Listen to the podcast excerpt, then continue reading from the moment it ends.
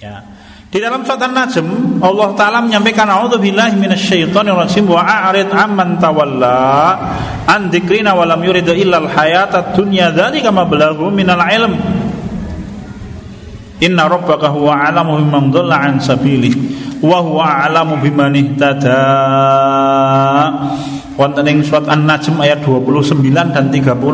Fa'arid amman tawalla. Wahai Muhammad, dawuhipun Allah kepada Nabi kita Muhammad sallallahu alaihi wasallam, palingkan dirimu, jangan perhatikan mantawalla orang yang berpaling dariku. Andikrina dan dia tidak pernah mengingat aku. Walam yurid ilal hayata dunia dan orang-orang seperti itu adalah orang-orang yang tidak punya keinginan kecuali syahwat dunianya. Lalu kama belaghu minal ilm bahkan dunia itu puncak pengetahuan mereka.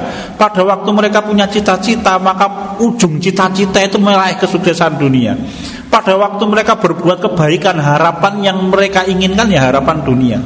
Pada waktu mereka mengerjakan ibadah sekalipun yang dikejar itu pujian dunia. Urusan akhirat mereka tidak peduli. Orang-orang seperti itu yang syahwatnya tercela di hadapan Allah Subhanahu wa taala. Hadirin arsadani Allah wa ayyakum hawa nafsu yang tercela, hawa nafsu yang menguasai kehidupan manusia sehingga mereka tidak mau mentaati Allah. Bismillahirrahmanirrahim. Assalamualaikum warahmatullahi wabarakatuh. الحمد لله رب العالمين. إن الحمد لله نحمده ونستعينه ونستغفره ونعوذ بالله من شرور أنفسنا ومن سيئات أعمالنا. من يهده الله فلا مضل له ومن يضلله فلا هادي له. أشهد أن لا إله إلا الله وحده لا شريك له وأشهد أن محمدا عبده ورسوله. الذي لا نبي ولا رسول بعده اللهم صل على محمد وعلى آله وأصحابه ومن والاه أعوذ بالله من الشيطان الرجيم يا أيها الذين آمنوا اتقوا الله حق تقاته ولا تموتن إلا وأنتم مسلمون Alhamdulillahirrabbilalamin Hadirin sekalian, ibu-ibu, bapak-bapak dan rekan-rekan sekalian Yang dirahmati Allah subhanahu wa ta'ala Segala puji bagi Allah Yang pertama saya wasiatkan Untuk diri saya dan hadirin sekalian Marilah kita bertakwa kepada Allah Subhanahu wa taala dengan sebenar-benar takwa karena ketakwaan kita adalah sarana sarana kita untuk memuliakan diri kita di sisi Allah Subhanahu wa taala. Penting kita menjadi orang yang mulia di sisi Allah meskipun kedudukan di depan manusia mungkin tidak terlalu penting tetapi bagaimana kita memposisikan diri kita di hadapan Allah itu nilai yang sangat penting. Orang yang hina di hadapan Allah pasti celaka. Orang-orang yang dimuliakan oleh Allah diberi keselamatan tidak cukup itu kemudian dia diberikan oleh Allah taala hayatan thayyibah. Tadi wonten ing ba'da maghrib pengawasan kita bahas itu hadirin. Surat An-Nahl ayat ke-97. A'udzu billahi minasyaitonir rajim. Man 'amila shalihan min dzakarin aw untha wa huwa mu'minun falanuhyiyannahu hayatan thayyibah walanajziyannahum ajrahum bi ahsani ma kanu ya'malun. Man amila salihan min dzakarin aw untha siapa pun orang yang beramal soleh laki atau perempuan orang yang mengisi kehidupannya dengan amal soleh wa huwa mu'min dan dia beriman setia kepada Allah Subhanahu wa taala falanuhyiyannahu hayatan thayyibah ini janjinya Allah pasti sungguh tidak mungkin tidak karena Rasulullah taala menyebutkan dengan dua harfu takkid. Tapi betul-betul pasti Allah akan memberikan kepada kita hayatan thayyibah. Hayatan thayyibah menika bisa surga, bisa rezeki yang halal, para ulama salah memaknai begitu, bisa qanaah, Hayatan thayyibah juga bisa bermakna seorang manusia hidupnya diarahkan oleh Allah taala dan dibimbing seluruhnya. Ketika dia memandang maka Allah membimbing pandangan matanya. Pada waktu dia melangkah maka Allah membimbing kakinya untuk melangkah. Apabila dia punya masalah Allah selesaikan masalahnya. Itu hayatan thayyibah. Sarananya apa? Sarananya membangun diri kita di hadapan Allah Ta'ala Agar menjadi orang-orang yang mulia di sisi Allah. Penting itu. Penting. Sekali lagi Memuliakan diri kita di hadapan Allah itu penting. Sangat penting. Dan Allah mengingatkan kita Inna kromakum indallahi anqakum Dan orang yang paling mulia di sisi Allah Adalah orang yang paling bertakwa kepada Allah. Jadi tidak ada di dalam kamusnya kaum muslimin Ngibadah ki yang ibadah ini ngerasa sergap-sergap le ngono yang ngono ning rasah ngono ndak ada istilahnya di dalam kehidupan kaum muslimin. Apakah ada? Ada. Saya pernah mendapatkan begitu ibu-ibu bapak-bapak. Ya. Jadi seorang mukmin yang baik itu dia akan menghabiskan waktunya untuk beribadah kepada Allah Subhanahu wa taala. Seorang bapak yang mengetahui bahwa anaknya adalah anak yang berbakti kepada Allah dan berbakti kepada orang tuanya, setia kepada Allah dan setia kepada orang tuanya cukup itu menenteramkan hati. Tentang masalah dunia justru harusnya loh ibu-ibu bapak-bapak dunia itu bagian yang paling menenteramkan kita. Kenapa? Karena dunia kita itu dijamin oleh Allah. Sekali lagi saya ulangi harusnya harusnya loh ini harusnya bagian dunia kita itu bagian yang paling menenteramkan kita. Kenapa? Karena itu dijamin oleh Allah. Jangankan kita iblis itu dijamin oleh Allah Subhanahu wa taala pada waktu iblis meminta dipanjangkan umurnya sampai hari kiamat Karena itu hanya iblis langsung diberikan oleh Allah Ta'ala. Qala rabbi anzirni ila yaumi yub'atsun Qala innaka minal mungdhirin langsung. Wahai Allah panjangkan umurku hari kiamat sampai hari kiamat langsung dijawab oleh Allah. Iya aku panjangkan umurmu sampai hari kiamat Sampai hari yang ditentukan olehku Yaitu hari kiamat. Masalahnya ibu-ibu bapak-bapak nasib akhirat kita belum ada jaminan kita bukan nabi atau kalau misalkan levelnya di bawahnya kita bukan termasuk al asrah mubasyirin bil jannah. Kita bukan termasuk 10 orang sahabat yang dijamin masuk surga.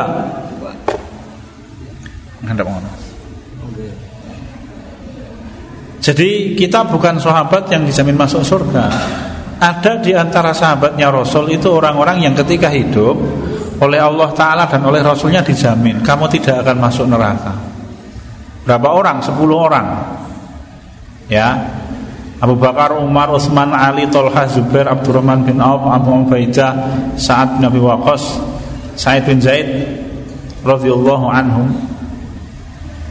itu orang yang 10 orang ketika hidup di dunia Rasul kita menyampaikan Abu Bakar tidak akan masuk neraka Umar tidak akan masuk neraka Utsman tidak akan masuk neraka Ali tidak akan masuk neraka Abdurrahman tidak akan masuk neraka Said tidak akan masuk neraka Sa'ad tidak akan masuk neraka. Begitu di hadapan orangnya loh Bapak. Nek awake dhewe buat dong terusan Maka Para sahabat diperlakukan sedemikian rupa oleh Allah Kenapa? Karena kebaikan iman mereka Setianya mereka kepada teruji betul Ya, pada waktu mereka mendapatkan kebaikan itu mereka semakin baik. Itulah para sahabat. Nah, kita bukan. Maka kemudian kita yang kita kerjakan saat ini membangun diri kita agar kita menjadi orang-orang yang diistimewakan oleh Allah Subhanahu wa taala. Ibu-ibu, bapak-bapak, monggo kita laksanakan kajian kita. Kita masih membahas tentang hal-hal yang menyebabkan seorang manusia terhalang untuk mencintai Allah. Pertama sudah kita bicarakan yaitu akidah yang rusak, akidatun fasidah. Z. Ini yang pertama sudah kita bahas pertemuan yang lalu. Yang kedua adalah hawan madmumah. Hawa nafsu yang tercela. Ya. Hawa nafsu ada keterangannya yang tercela. Apakah hawa nafsu pasti tercela? Belum tentu.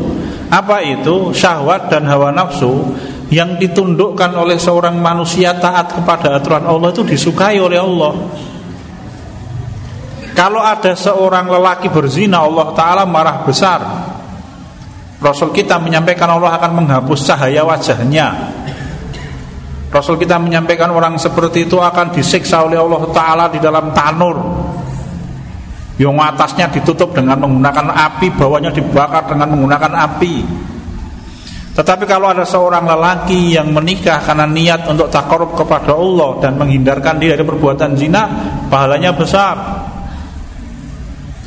Kenapa? Karena syahwat yang model kedua itu disukai oleh Allah. Allah bukan Tuhan yang mengajarkan kepada kita aturan yang mematikan syahwat. Karena tidak mungkin orang hidup di dunia tidak punya syahwat. Syahwat itu menyebabkan seorang manusia menjadi manusia itu ya syahwatnya itu. Kita kepengen makan karena kita lapar itu syahwat. Maka Allah Ta'ala mengajarkan cara makan.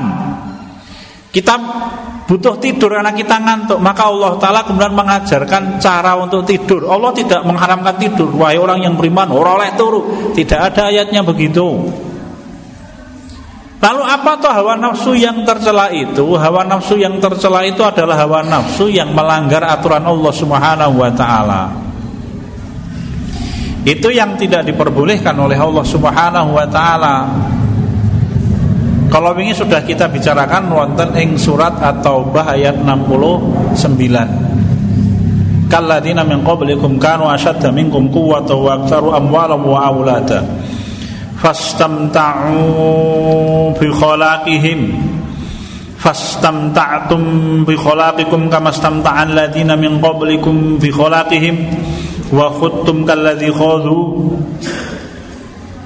Kalladzina min qablikum keadaan kalian wahai orang-orang yang terlaknat itu seperti orang-orang sebelum kalian yang terlaknat Kanu asadda minkum quwwata wa aktsaru amwalam wa aulada bahkan mereka lebih banyak hartanya dan lebih banyak anak keturunannya daripada kalian. Fastamta'u bi khalaqihim. Maka orang-orang yang terlaknat dulu mereka menikmati dunia mereka sampai mereka lupa kepada Allah. Fastamta'tum bi khalaqikum kama stamta'a alladziina min qablikum bi khalaqihim. Kemudian kalian menikmati dunia sehingga kalian dicela oleh Allah sebagaimana orang-orang sebelum kalian menikmati dunia sehingga mereka dicela oleh Allah Subhanahu wa taala. Ya. Di dalam surat An-Najm Allah taala menyampaikan a'udzubillahi minasyaitonir rajim wa a'rid amman tawalla an dzikrina wa lam yurid illal hayatad dunya dzalika mablaghu minal ilm. Inna rabbaka huwa alamu biman dhalla an sabilihi wa huwa a'lamu biman ihtada. Wonten ing surat An-Najm ayat 29 dan 30 fa'arid amman tawalla. Wahai Muhammad dawuhipun Allah kepada Nabi kita Muhammad sallallahu alaihi wasallam palingkan dirimu jangan perhatikan mantawala orang yang berpaling dariku. Andikrina dan dia tidak pernah mengingat aku Walam yuridu ilal hayata dunia dan orang-orang seperti itu adalah orang-orang yang tidak punya keinginan kecuali syahwat dunianya. Lalu kama belaghu minal ilm bahkan dunia itu puncak pengetahuan mereka. Pada waktu mereka punya cita-cita maka ujung cita-cita itu meraih kesuksesan dunia. Pada waktu mereka berbuat kebaikan harapan yang mereka inginkan ya harapan dunia. Pada waktu mereka mengerjakan ibadah sekalipun yang dikejar itu pujian dunia. Urusan akhirat mereka tidak peduli. Orang-orang seperti itu yang syahwatnya tercela di hadapan Allah Subhanahu wa taala.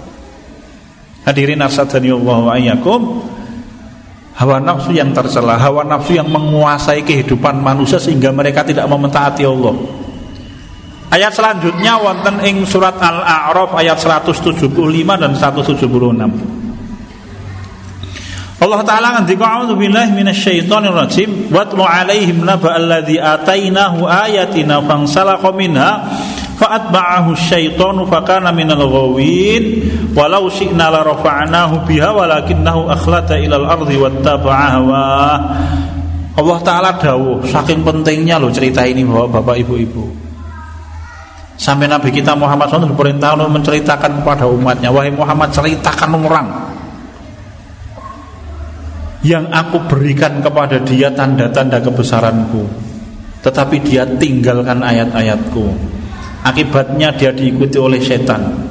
Akibatnya dia tersesat kata Allah. Walau syi'na la rafa'anahu biha. Tetap sebenarnya kehendakku aku akan mengangkat derajat orang itu yang diceritakan oleh Rasul.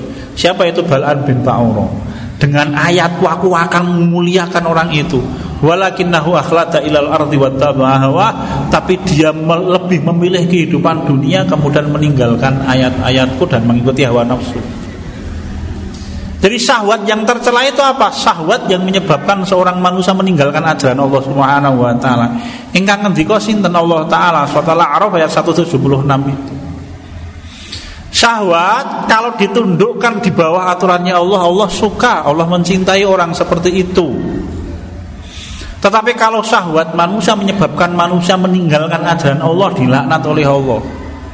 Ayat itu tadi surat Al-A'raf ayat 175 dan 176 itu. Ye. Orang menikah kalau niatnya takar kepada berpahala Rasul kita bahkan istrinya sembilan Nabi Sulaiman alaihissalam bahkan istrinya seratus Nabi Dawud alaihissalam bahkan istrinya di dalam satu riwayat pitong atus hadirin sekalian Boleh untuk ajaran beliau waktu itu dan ini adalah perkara yang disukai oleh Allah Subhanahu wa taala. Apakah kalau orang mempunyai harta kemudian pasti tercela? Bukan Nabi kita orang kaya raya, Abu Bakar Siddiq radhiyallahu anu kaya raya. Sepuluh orang yang dijamin masuk surga yang kita sebutkan tadi itu orang kaya semuanya, tidak ada di antara mereka yang tidak punya. Orang kaya semuanya. Tapi mereka pakai kekayaan mereka untuk mentaati Allah, bahkan di antara mereka Sepuluh orang yang disebut tadi itu yang paling tidak kaya adalah Ali bin Abi Thalib. Itu pun kaya raya yang belum khalifah.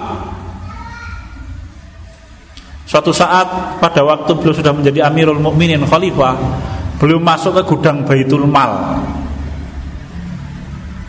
Belum masuk ke gudang Baitul Mal. Di depannya itu ada tumpuan emas, harta lain-lain, itu milik negara. Di hadapan harta itu belum mengatakan wahai dunia, Engkau boleh menggoda siapa pun Tetapi bukan diriku Karena aku telah mentalak tiga engkau Ya Beliau ucapkan itu ketika beliau jadi khalifah Di hadapan harta kekayaan yang menumpuk di depan beliau Maka Ali bin Abi Thalib radhiyallahu anhu itu mengatakan zuhud itu dunia engkau genggam. Dunia ada di dalam telapak tanganmu, tapi dia tidak pernah masuk ke dalam hatimu. Itulah zuhud. Hadirin sekalian asadani Allah wa. Ya.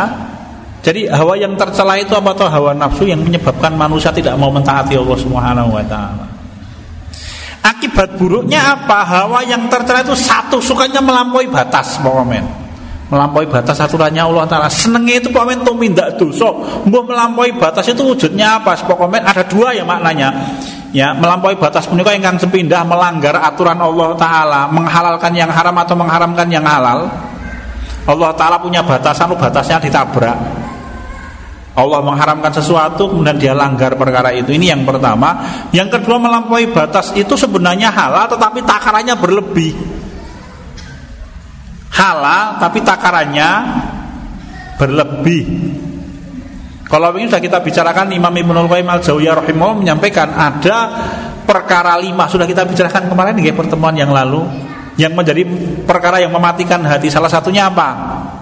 Banyak makan dan banyak tidur toh tasih kemutan catatan kalau ini dibuka kembali wah Bapak Ibu. Orang boleh tidur tapi kalau terlalu banyak tidur mematikan hati. Orang boleh kenyang tapi kalau orang terlalu banyak kenang sukanya kenyang maka akan mematikan hati salah satu jening dinten ada seorang sahabat. Namanya Abu Zuhaifah radhiyallahu anhu. Abu Zuhaifah ini pada waktu Rasul kita wafat usianya sekitar 13 tahun ibu-ibu kira-kira itu. Berarti kan masih kecil itu. Nah, suatu saat kan memang Abu Zuhaifah masih kecil jalan di depannya Nabi kita Muhammad SAW anak kecil. Dan di hadapan Rasul itu gelegein Abu Zuhaifah melihat Abu Zuhaifah gelegean itu Rasul memberikan nasihat. Dan Rasul itu orang yang paling pandai siapa pun orang siapa pun sahabat itu kalau diberi nasihat oleh Rasul pasti mengenal pasti terpengaruh. Rasul kita itu ngendiko kepada Abu Zuhaifah wahai Abu Zuhaifah kalau engkau gelegean bersendawa ditahan. Jangan dikeluarkan suaranya. Ketahuilah kata beliau ma asba'a rajulun fid dunya illa wa huwa tawalal yaumal qiyamah. Wahai Abu Suhaibah ketahuilah tidaklah orang yang perutnya selalu kenyang di dunia ini kecuali dia orang yang paling panjang laparnya di hari kiamat. Sejak saat itu Abu Suhaibah jarang makan. Poso sampai belum meninggal. Makanya masih kecil loh itu. Sampai belum meninggal poso Sampai keluarganya mengatakan Abu Zuhaifah itu kalau makan sehari sekali. Jadi kalau beliau poso di pagi hari pakai sahur dahar, maka sore harinya beliau bukannya minum. Kalau besok beliau sahurnya minum, maka bukannya baru makan. sampai belum meninggal. Sejak kapan? Sejak Rasul kita ngendiko begitu di hadapannya Abu Suhaibah radhiyallahu jadi silahkan panjenengan makan Yang penting tidak melampaui batas. Silahkan tidur tidak melampaui batas Hanya mengingatkan orang soleh jangan tidur malam. Untuk apa? Untuk kiam. Ya. Nama malih? Panjenengan silahkan berpakaian. Pakaian mahal silahkan Tidak apa-apa kok. Rasul kita salah sawi jening dinten didatangi oleh seorang sahabat. Sahabat ini membawa jas Jaket Dari Yaman. Dan pakaian dari Yaman terkenal mahal-mahal zaman dulu Ya, baju ini diberikan kepada Rasulullah. Ya Rasulullah ini hadiah untuk panjenengan. Saya bawa dari Yaman diberikan. Kelihatan Rasul kita itu suka, langsung dipakai oleh Rasul dan kelihatan Rasul suka. Kenapa? Karena memang bajunya bagus. Baju dari zaman itu bahkan kalau Imam Malik bin Anas rahimahullah belum pakai khusus untuk qiyamul. Kalau qiyamul belum pakai baju, baju paling mahal, paling api, halus kainnya. Ya, beliau pakai buat nopo-nopo. Tidak mengapa wong butuh kok. Yang tidak diperbolehkan adalah melampaui batas. Jadi ada dua makna melampaui batas itu melanggar perkara yang diharamkan oleh Allah itu melampaui batas. Yang kedua adalah sesuatu itu halal tetapi takarannya berlebih. Siapa yang menyampaikan? Yang menyampaikan sahabat Abdullah bin Abbas. Belum menyampaikan satu dirham itu kalau dipakai untuk perkara yang diharamkan oleh Allah melampaui batas. Kenapa? Karena perkara itu diharamkan oleh Allah. Ya, meskipun sedikit. Alah ming kok Mas. Pulsanya dibuka nganggo apa itu, ndelok apa, nonton film apa misalnya. Melampaui batas. Jadi syahwat yang tercela itu mengajak manusia untuk melampaui batas. Dan orang yang mati dalam keadaan melampaui batas sul khotimah Hadirin, orang mati sul khotimah buatan mesti kafir gitu Bapak. Orang mati sul khotimah itu kadang kala dia muslim, tetapi ketika dia mati dalam keadaan bermaksiat kepada Allah Subhanahu wa taala. Dan Allah sangat tidak suka dengan orang-orang yang melampaui batas. Engkang engkau kali Hawan madzmumah itu akan menyebabkan orang melanggar perkara yang diharamkan oleh Allah Subhanahu wa taala. Bahkan yang lebih buruk nanti adalah perkara yang diharamkan itu dihalalkan oleh orang-orang itu. Itu derajatnya lebih buruk kenapa? Karena akan membawa manusia kepada kekufuran. Misalkan orang mabuk tapi dia menganggap bahwa khomer itu dosa, itu dosa besar bahwa bapak ibu-ibu. Tetapi kalau ada orang yang sepanjang hayat tidak pernah mabuk Tapi dia yakin bahwa khomer adalah barang yang diharamkan oleh Allah Sedangkan Allah jelas mengharamkan khomer di dalam Quran Maka dosa keyakinannya itu pembatal syahadat. Saya ulangi Anda seorang muslim yang dia minum minuman keras Tapi dia punya keyakinan bahwa mabuk itu dosa besar Maka pelakunya masih muslim kalau ada seorang muslim yang dia punya keyakinan bahwa khomer itu tidak haram Meskipun dia tahu Allah Ta'ala menyampaikan di dalam Al-Quran bahwa khomer itu haram Meskipun dia tahu bahwa Rasul menyampaikan dalam banyak hadis bahwa khomer itu halal, haram Kemudian orang ini menghalalkan khomer Maka dosa yang dia kerjakan adalah Pembatal syahadat Demikian pula orang yang menghalalkan zina, islasah dawa-dawa, pon ngoten niku. Itu pembatal syahadat hadirin sekalian asadani Allah wa iyyakum. Jadi orang melanggar perkara yang diharamkan ada dua macam. Satu adalah pelaku dosa besar. Yang kedua adalah orang yang dosanya membatalkan syahadat. Surat At-Taubah ayat 31 dalilnya itu Bapak. Allah Ta'ala ngendika a'udzu billahi minasyaitonir rajim ittakhadhu ahbarahum wa ruhbanahum arbaba min dunillahi wal masih ibn maryam. Wa ma umiru illa liya'budu ilahu wahida. Allah Ta'ala menyampaikan ittakhadhu ahbarahum wa ruhbanahum arbaba min dunillah wal masih ibn maryam. Orang-orang Yahudi dan Nasrani ahlul kitab itu menjadikan rahib dan pendeta-pendeta mereka arbab dan ahbar mereka sebagai Tuhan-Tuhan selain Allah. Di dalam satu hadis yang diwakilkan oleh Imam At-Tirmizi ini panjenengan baca tafsir Ibnu Katsir disebutkan hadis ini panjenengan baca wonten ing tafsir At-Tabari disebutkan hadis itu panjenengan baca di dalam kitab tafsir Al-Qurtubi disebutkan lagi hadis itu Salah sawijining dinten sahabat Adi bin Hatim radhiyallahu anhu itu mau masuk Islam. Adi bin Hatim ini orang ahlul kitab. Adiknya masuk Islam, adik perempuannya Adi bin Hatim lari ke Syam, dicari sama adiknya, ketemu diajak pulang, diajak masuk Islam. Betul Adi bin Hatim masuk Islam. Pada waktu beliau menghadap kepada Rasul kita Muhammad SAW masih pakai kalung, nemplek begitu melihat kalung itu Kanjeng Nabi kita Muhammad Shallallahu Alaihi Wasallam membacakan surat At-Taubah ayat 31 dibacakan oleh Rasul kita. Sesungguhnya ahlul kitab menjadikan arbab dan ahbar mereka sebagai Tuhan-Tuhan selain Allah. Ali bin Hatim radhiyallahu langsung membantah lasna nak budum ya Rasulullah kami tidak pernah beribadah kepada mereka dalam artian sujud untuk mereka korban untuk mereka apalagi tawaf untuk mereka buatan kami tidak pernah Pasing Nabi kita Muhammad Shallallahu Alaihi Wasallam bertanya Afala yuhilluna ma harramallahu fayuti'uhu wa yuharrimuna ma ahalallahu fayuti'uhu? Bukankah abar dan ruhban mereka itu menghalalkan perkara yang diharamkan oleh Allah dan mengharamkan perkara yang dihalalkan oleh Allah kemudian diikuti oleh pengikut-pengikutnya Adi bin Hatim menyatakan benar ya Rasul bala betul ya Rasulullah. Rasul kita ngendika fatilka ibadatuhum iyahum itulah ibadahnya orang-orang ahli kitab kepada tokoh-tokoh mereka.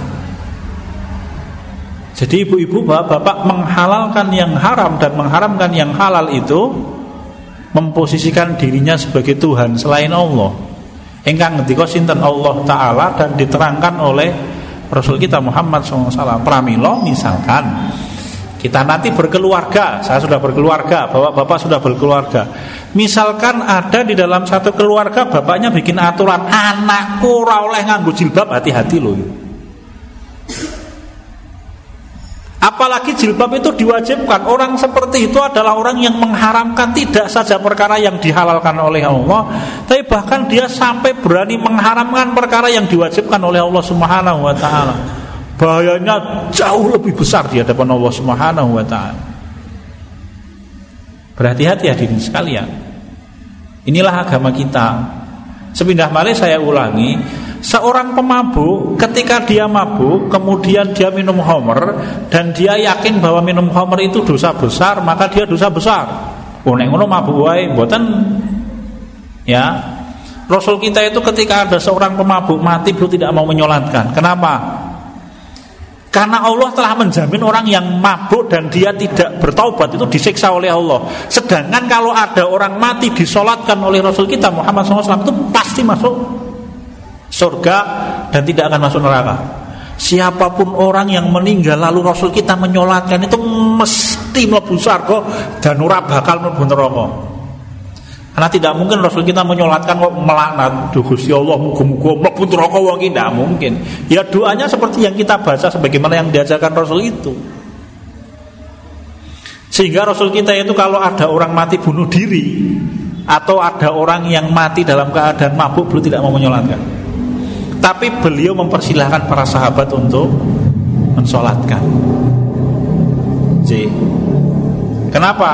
Sekali lagi dia Muslim Berbeda dengan orang yang sepanjang hayat belum pernah berzina Sepanjang hayat belum pernah mabuk Tapi dia meyakini bahwa mabuk itu boleh Dan berzina itu tidak dosa Berhati-hati Engkang tiga syahwat itu syahwat yang tercela itu mendorong seorang manusia untuk meninggalkan ajaran yang diwajibkan oleh Allah. Bapak-bapak, ibu-ibu, perkara yang kedua dan ketiga ini mirip. Sebagian ulama berpendapat yang ketiga ini jauh lebih besar dosanya. Diambil dari contohnya sinten iblis. Bedanya antara iblis dengan Nabi Adam alaihissalam itu salah satunya Selain Nabi Adam bertobat sedangkan iblis tidak bertobat Yang pertama ada, yang kedua adalah Iblis itu menolak untuk melaksanakan kewajiban. Sedangkan Nabi Adam alaihissalam itu melanggar perkara yang diharamkan oleh Allah Subhanahu wa taala. Maka berhati-hati ibu-ibu, bapak-bapak. Kalau ada kewajiban datang dari Allah Dikerjakan. Sebagian ulama berpendapat orang yang tidak mengerjakan perkara yang diwajibkan Itu jauh lebih dibenci oleh Allah Daripada orang yang melanggar perkara yang diharamkan oleh Allah Subhanahu wa ta'ala. Apa pun kewajiban itu. Lalu bagaimana kita minta tolong kepada Allah Rasul kita saja mengajarkan kita doa yang kemudian doa itu disampaikan kepada seorang sahabat dan Rasul kita menyampaikan jangan pernah engkau lupakan doa itu. Apa itu doanya? Allahumma a'inni ala zikrika wa syukrika wa husni ibadatik diperintahkan dibaca setiap kali kita sholat. Wahai Allah, tolonglah aku untuk selalu ingat kepadamu. Allahumma a'inni ala zikrika Wasyukrika dan tolonglah aku untuk menjadi orang yang bersyukur kepadamu atas semua nikmat. Ya. Wa husni ibadatik dan tolonglah aku agar aku selalu bisa beribadah secara baik kepadamu ya Allah. Ibadah itu ya hidup kita karena ibadah itu melingkupi seluruh kehidupan kita. Kewajiban-kewajiban itu selalu ada di dalam bagian hidup kita dan tidak ada yang lepas. Berpakaian itu ada kewajibannya, duduk itu ada kewajibannya, tidur itu ada kewajibannya ketika akan tidur loh meskipun kalau orang tidur itu kemudian akalnya hilang sudah tapi ketika dia proses untuk tidur itu ada aturan yang harus ditaati. Ya maka Rasul kita melarang. Ada tidur yang dilarang oleh Rasul. Tidak ada aktivitas di dunia kecuali pasti Allah menetapkan di dalamnya ajaran. Kita minta tolong kepada Allah untuk dikuatkan. Imam Ibnul Qayyim al-Jauziyah rahimahullah menyampaikan doa seperti ini Bapak-bapak. Itu doa yang paling mulia di sisi Allah. Rasul kita tidak pernah meninggalkan doa Rabbana atina fid dunya hasanah wa fil akhirati hasanah wa qina adzabannar. Rasul kita selalu baca doa itu. Tetapi doa Rabbana atina fid dunya hasanah itu minta hak kita. Duh Gusti Allah kula nyuwun iki nyuwun iki nyuwun iki. Sedangkan Allah ma'aini ala zikrika wa syukrika wa husna ibadatik Imam Ibn Al-Qayyim Al-Zawziyah Dua ini diajarkan oleh Rasul kepada sahabatnya. Dan Rasul kita pesan Jangan kau lupakan ketika engkau sholat. Ya. Doa ini kata Imam Ibn Al-Qayyim Al-Zawziyah Kita minta tolong kepada Allah Agar kita bisa menunaikan haknya Allah atas diri kita kalau Rabbana atina fid dunya hasanah wa fil akhirati hasanah wa qina adzabannar itu kita minta kita kepada Allah sedangkan doa tadi itu kita minta kepada Allah agar kita dikuatkan untuk menunaikan haknya Allah atas diri kita. Maka doa tadi paling mulia kata Imam Ibnu Qayyim al-Jauziyah rahimahullah. Minta tolong kepada Allah agar kita dikuatkan untuk mentaati Allah Subhanahu wa taala. Yang paling akhir adalah malas. Dan ibu-ibu bapak-bapak malas itu menghalangi orang untuk mentaati Allah loh. Kenapa kok Rasul kita mengajarkan doa Allahumma inni a'udzubika minal hammi wal huzni wa a'udzubika minal ajzi wal kasal. Kita ini diperintahkan oleh Rasul untuk minta perlindungan dari sifat malas. Karena malas itu menghalangi manusia untuk mentaati Allah. Ya, kalau ajis, ajis itu juga sama. Ajizun itu orang yang tidak punya sesuatu untuk mentaati Allah. Dia pengen mentaati Allah, tapi dia tidak punya modal. Itu ajizun. Sedangkan kasal itu orang kepengen mentaati orang yang punya kemampuan untuk mentaati Allah, tapi dia tidak mau mentaati Allah. Itu orang malas.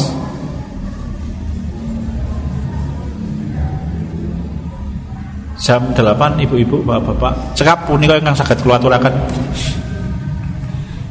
Ya, perkara ini dikenal dengan nama fitnatus syahwat. Mekaten Insya Allah pekan depan materi kita adalah cara untuk menjadikan cinta kita kepada Allah terasa manis. Oke. Ada pertanyaan sebelum saya tutup dari materi kita? Pekan depan nanti materi kita ini.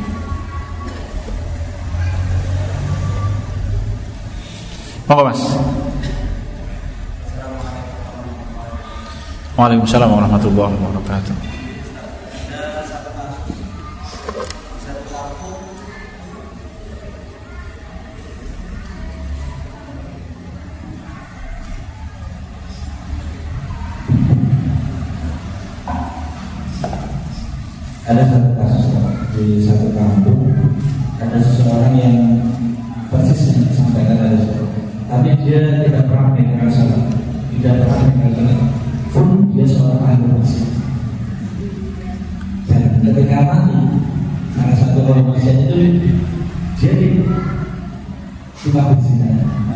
Zina tapi dia paham kalau zina itu haram Ya.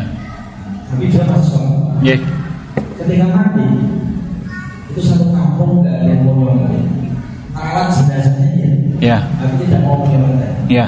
padahal dunia Nggih. nah ini ini gimana kita termasuk Ya, satu kampung berarti dosa semuanya itu. gitu ya Ya. Seorang pezina selama dia tidak menghalalkan zina apalagi dia masih sholat itu muslim. Dan seorang muslim yang meninggal fardu kifayah untuk disolatkan. Satu orang menyolatkan cukup. Nek sak kampung tidak ada yang mau menyolatkan sampai dia dikuburkan tidak ada satu orang pun yang menyolatkan sak kampung disolat bueh besok dari kiamat orang itu akan minta pertanggungjawaban orang satu kampung Kenapa? Karena itu masih muslim. Seorang pezina, pemabuk, koruptor sekalipun, ya, orang yang 6 miliar, nggih, bapak-bapak, piro sak triliun nih dia korupsi. Selama dia menganggap korupsi itu haram, ya, selama dia masih menjaga sholatnya, maka syahadatnya sah. Kalau dia mati, dia harus disolatkan oleh kaum muslimin. Berbeda dengan orang yang melegalkan zina. Kalau Anda tahu seorang tokoh dia menganggap zina itu halal, dia mati, aja tok salat meskipun dia tokoh. Meskipun wonge lumo. Meskipun wonge suka bagi-bagi duit. Tapi dia menganggap zina itu halal, dia mati maka tidak boleh disolatkan. Kenapa? Karena keyakinan dia akan halalnya zina itu membatalkan Islam dan syahadatnya. Kecuali ketika itu dia tidak tahu kecuali dia jahil. Kecuali dia mengucapkan kata-kata itu karena terpaksa. Terpaksa nek orang ngono kuwi pateni ngono mukrohin. Ya begitu. Ngaten ya Mas. Jadi bagaimana itu tidak boleh? Orang kampung satu kampung dosa itu. Kecuali kalau ada orang menyolatkan loh. Jadi ada satu orang yang menyolatkan berarti orang satu kampung tidak punya kewajiban untuk menyolatkan. Kalau mereka tidak mau menyolatkan itu sikap lah mas. Mungkin sebagai bentuk sanksi sosial. Bisa jadi itu. Agar ono jangan sampai wong sak kampung nyoba nyoba ngono Yang penting ada satu atau dua orang yang menyolatkan cukup. Tapi kalau betul-betul sampai dia dikubur tidak ada satu orang pun yang menyolatkan, maka sak kampung dosa kabeh. Kan begitu. Ngaten nggih? Ada yang lain? Wonten pambrutan pirsa malih Bapak-bapak. Sekap monggo Mas.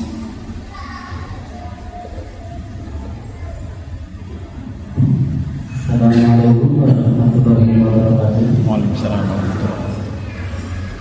Yang mau saya tanyakan berhubungan dengan kehidupan di masyarakat Jawa pada umumnya yang banyak kegiatan peribadahan yang tidak sesuai syariat tapi umum dilakukan oleh masyarakat kita Nggih.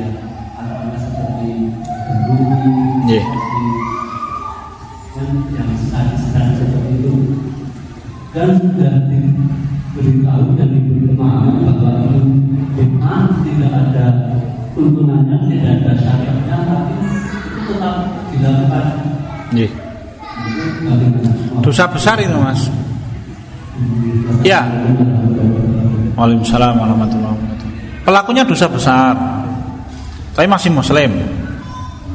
Ya, jadi mereka Muslim, tapi mereka dosa besar karena mereka mengerjakan perbuatan-perbuatan yang tidak diajarkan oleh Allah Subhanahu Wa Taala. Hanya memang dosa bid'ah itu lebih disukai oleh setan daripada dosa besar. Imam Ibnul Qayyim al-Jauziyah itu menyebutkan urut-urutan dosa. Dosa paling berat itu dosa pembatal syahadat. Kuf, kufur akbar, sirkul akbar, nifak akbar dan ridah murtad. Itu dosa level 1 itu. Ya. Di bawahnya adalah bid'ah mengada-adakan acara di dalam Islam yang tidak diajarkan oleh Allah. Di bawahnya lagi dosa besar ya berkata bohong, berzina, minum minuman keras, mencuri dan lain-lain, membunuh dan lain-lain. Di bawahnya dosa besar ada dosa kecil. Urut-urutannya itu. Kenapa kok dosa Bid'ah itu diletakkan di bawahnya kufur, di atasnya dosa besar, ada banyak alasan. Satu, orang yang melaksanakan bid'ah itu secara tidak langsung dia menganggap Islam belum sempurna sehingga dia perlu mengadakan ajaran itu. Disampaikan oleh Imam Syatibi rahimahullah tadi kita paling etisom. Enggak ngongkok kali karena orang yang melakukan perbuatan itu dia menganggap bahwa penjelasan Allah tidak cukup, penjelasan Rasul tidak cukup. Maka Allah marah betul kepada orang-orang seperti itu. Yang ketiga orang yang melakukan bid'ah tidak pernah merasa bersalah. Beda dengan orang berzina loh. Seorang muslim yang berzina dan dia tahu zina itu haram pasti ada perasaan bersalah.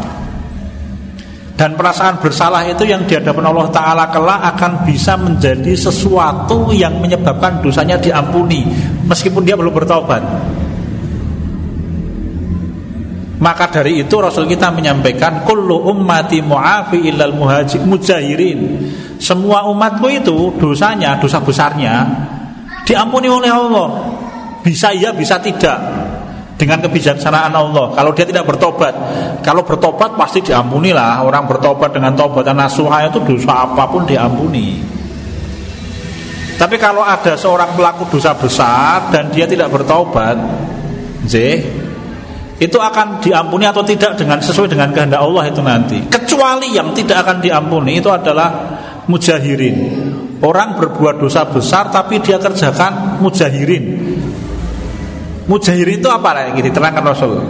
Inna minal mujaharah ayyakul ay ala rajulu wa qad bata satarahu Allah summa yusbi wa yaqulu fa'altul bariyata kadza wa kadza au kama qala Rasul kita nanti kok. Mujaharah itu orang yang berbuat dosa di malam hari. Allah menutupi auratnya sehingga tidak ada satu orang pun yang tahu perbuatan dosa yang dia kerjakan. Eh lah keisuan harinya cerita tanggane. Nek ora cerita tanggane tulis neng Facebook. Waku mau bengi mabuk ini maka orang yang seperti itu dosanya tidak akan diampuni Allah. Kenapa? Karena dia tidak merasa menyesal. Maka kenapa kok dosa bid'ah itu lebih disukai oleh iblis daripada dosa besar? Karena orang yang berbuat seperti itu tidak akan pernah merasa menyesal sampai dia mati. Ya, begitu disampaikan oleh Imam Asyatibi rahimahullah. Namun tetap muslim, dia seorang muslim saudara kita dan punya hak sebagai seorang muslim. Kalau dia mati disolatkan kalau dia sakit disenguk kalau dia miskin harus kita berikan jaminan hidupnya apalagi kalau dia mengucapkan salam kita harus menjawab salamnya. Apalagi kalau dia mengundang kita mantenan maka anda harus datang. Kalau tidak bisa datang pamit. Karena hukumnya wajib bapak-bapak kalau ada diundang jadi kalau panjenengan punya tetangga seorang muslim mengundang panjenengan mantenan meskipun undangannya yang Surabaya ngono maka kalau anda tidak bisa hadir pamit. Kenapa? Karena menghadiri undangannya wajib. Gitu. Wah oleh nikah neng Singapura. Waduh gitu nggih pamit. Kenapa? Karena menghadiri undangannya wajib. Tiketnya ora iso ya, Mas. Ya sudahlah saya datang naik panjangan berikan saya tiket pulang balik misalkan sebelum ratu kok ya pulau pamit nih mas jadi dia masih muslim tapi tadi dosa besar. Ngaten nggih, Mas. Hak-hak muslimnya tetap harus kita tunaikan. Tadi itu. Kalau mengucapkan salam kita jawab salamnya, kalau sakit kita jenguk, kalau meninggal kita sholatkan, kalau dia bersin dia mengucapkan alhamdulillah maka kita harus mengucapkan alhamdulillah ya dan lain-lain itu hak-haknya seorang muslim. Hanya dia berbuat dosa yang sangat disukai oleh iblis. Begitu. Jam 8 lebih 7 menit ada pertanyaan satu lagi kalau masih ada menai wonten satu lagi cekap Monggo Mas. Monggo.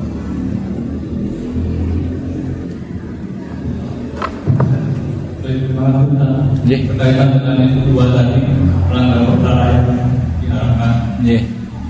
Eh, Bila ada seorang muslim yang masih bekerja di lembaga keuangan ribawi Nggih. dan beranggapan bahwa itu adalah penghasilan yang halal, apakah itu juga termasuk pembatalan syahadat? Ya. Nggih. Apakah orang yang menganggap riba itu halal bisa jadi membatalkan syahadat? Bisa. Bisa loh ya. Kecuali kalau dia jahil, dia belum pernah sinau agomo, dia tidak tahu tentang aturan tentang haramnya riba dan lain-lain dan dia menganggap itu halal. Mohon maaf karena hari ini banyak kaum muslimin awam yang punya anggapan sing ora oleh iki maling apa nyopet apa merampok. Sing pintar ora maling Mas, nek ora maling berarti halal.